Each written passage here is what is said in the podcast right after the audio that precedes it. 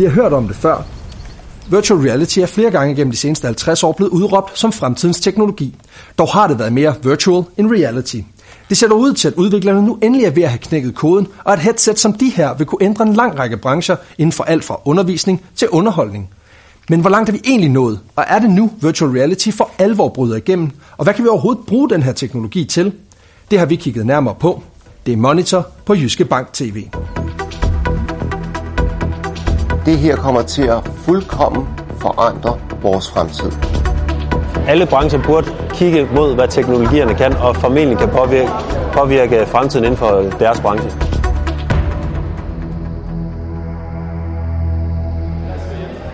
På CopenX, som er den første danske messe for virtual reality, kan forbrugerne få et unikt glimt ind i den virtuelle verden, som nogen mener er fremtiden. Jeg tror jo, det her det kommer til at påvirke alt, hvad vi foretager i vores samfund. Alt fra uddannelse til produktudvikling til måden, vi interagerer på. Terkel Sand er stifter af CopenX-messen, og hans vision med konferencen er netop at bringe den nye teknologi ind i den almindelige befolkningshænder.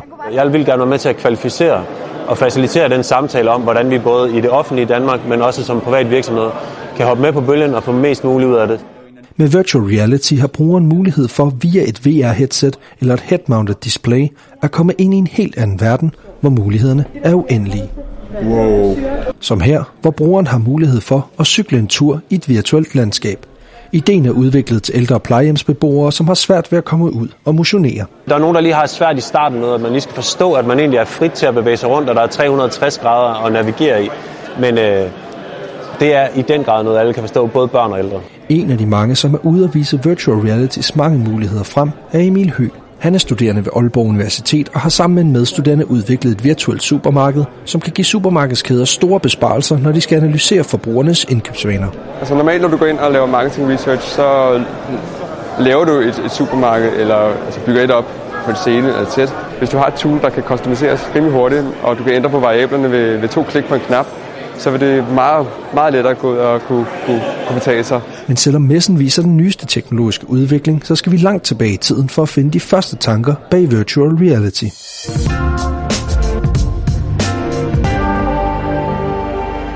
En af pionererne, som var med til at gøre virtual reality til virkelighed, det var ham her.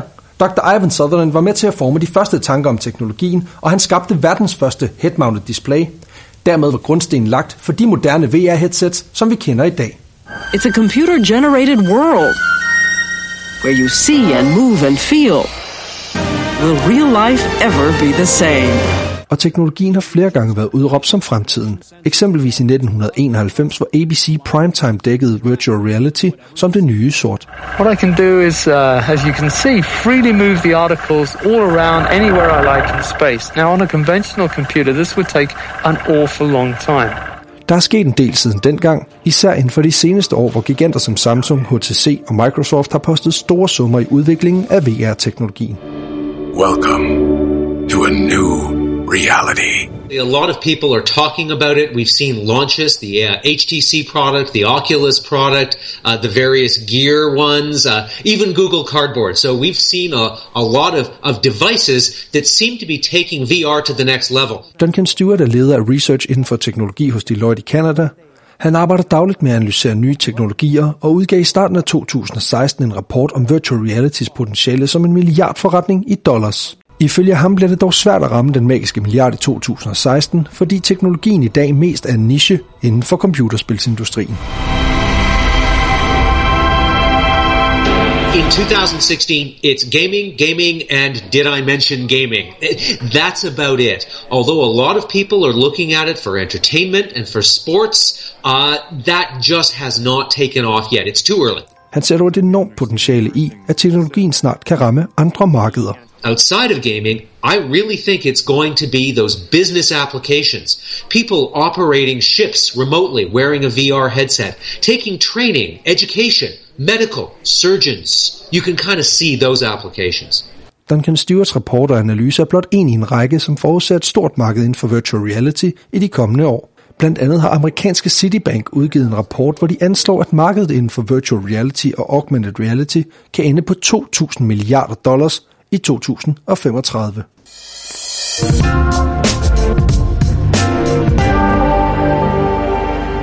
Visionerne for en fremtid med virtual reality deler professor hos Aalborg Universitets afdeling i København, Rolf Nordahl. Det her kommer til at fuldkommen forandre vores fremtid. I hans laboratorie Multisensory Experience Lab udvikler bachelor- og kandidatstuderende løbende nye projekter inden for VR, blandt andet Louis Thomsen, som er kandidatstuderende. Jamen det er vores hovedinteraktionsområde her i uh, det Multisensory Experience Lab. Og man kan sige, at mange projekter gør ligesom noget for at udvikle det visuelle uh, content, der er i virtual reality. Hvorimod her, der har vi nogle meget avancerede surround sound systemer, der ligesom prøver at forhøje oplevelsen uh, i forhold til, hvad du hører. Han har selv skabt et program, hvor brugeren kan spille på interaktive instrumenter. Og så har vi et sæt virtuelle maracas, som simpelthen bare snapper til din hånd, og dermed bevæger du dem bare og spiller musikken. Ifølge professor Rolf Nordahl er teknologien endelig moden til at gøre en forskel i den virkelige verden. Vi er kommet til et punkt, hvor priserne på de her ting er kommet frygtelig langt ned, og ned til et punkt, hvor den almindelige forbruger er interesseret i at købe det, og rent faktisk kan købe det. For 5-6 år siden, når jeg købte et head-mounted display til, til mit laboratorium, jamen så kostede et billigt head-mounted display omkring en 150 til 200.000. I dag, der taler vi, hvis det er head-mounted display, så som Oculus Rift, til en pris på 2-3.000 kroner. Føles det realistisk? Ja, det synes jeg. Det er en øh, meget intuitiv måde at interagere med det. Man kan sige, der er stadigvæk øh, udvikling i forhold til selve displayets kvalitet og opløsning, men der ser vi et utroligt fremskridt, hver gang der bliver udviklet en ny model. Især inden for nogle bestemte sektorer mener Rolf Nordahl, at udviklingen vil kunne gøre en forskel for den almindelige dansker. Det er helt sikkert, ifølge min overbevisning, den offentlige sektor, som vil drage allerstørst nytte og vil være det første sted, som, hvor vi virkelig vil kunne se nogle nye produkter. Det kunne være for eksempel øh, inden for undervisning, at vi ikke behøver at have en underviser til at gå, gå og give den samme undervisning år efter år. With HoloLens, you could imagine having a class standing around a model, almost like a tour group in a museum, where they're all interacting completely naturally.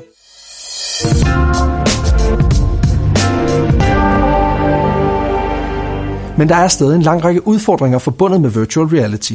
For selvom interessen er stor, så peger analytiker Duncan Stewart på, at der stadig er et misforhold imellem den meget høje pris og den intense oplevelse, det er at benytte sig af virtual reality. You pay a lot of money for a short, intense experience, but it's not something that you're going to do for hours a day. And the problem is that when we look at the things that are the potential next big markets for virtual reality, things like watching TV, watching movies, watching a, a football match, These are things that take an hour, two hours, three hours. VR is interesting in short doses, but I think the single biggest factor is that most of us don't want to wear a device that fits over our face, that blocks out the rest of the world, and that makes 30 to 40% of us throw up after 20 minutes. Rolf Nordahl ser ikke den intense oplevelse som et problem. Dog ser han en stor udfordring i, at platformen simpelthen mangler relevant indhold for den brede befolkning. Hello. Welcome to the Virtual Avengers Tower. Det her er lige nu den helt store trend, men det er også den helt store hypede og overhypede trend. Fordi det er rigtigt nok, at nu er, er prisniveauet på det her kommet ned i et leje, hvor alle kan være med. Men vi mangler indholdet. For på samme måde som Facebook redefinerede sociale medier, mangler der nemlig stadig en applikation, som understreger nødvendigheden af virtual reality.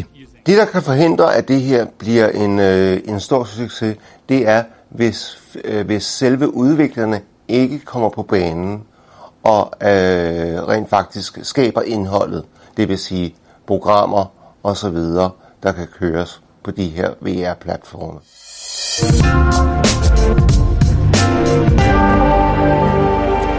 Teknologien er altså ved at være på plads, men det er på indholdssiden, det stadig halter lidt bagefter. Det betyder også, at eksperterne er uenige i, hvorvidt det er nu virtual reality for alvor slår igennem for forbrugerne. When I look at VR, I cannot see it cracking into the big leagues uh, within the next five years. Longer term, maybe, but in the near term, this is going to be kind of a uh, not the next big thing, but instead remain a bit of a niche. Vi har et ekstremt potentiale som vi skal forstå og udnytte. Det vil sige, at vi skal have investorerne på banen, og vi skal have firmaerne til at udvikle indholdet. We are currently inside an arteriole, a small strand in a network of blood vessels that spread throughout the body.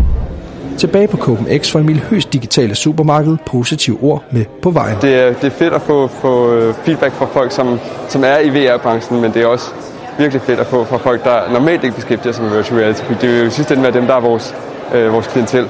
Hans projekt er allerede blevet solgt til en italiensk supermarkedskæde, og han er sikker på, at fremtiden for både hans produkt og branchen er stor. Ja, vi er entusiastiske. Vi, vi håber på det bedste, men øh, altså, det tyder på, at folk er, i alle brancher er, er, er ret begejstrede for at kunne, kunne bruge det her.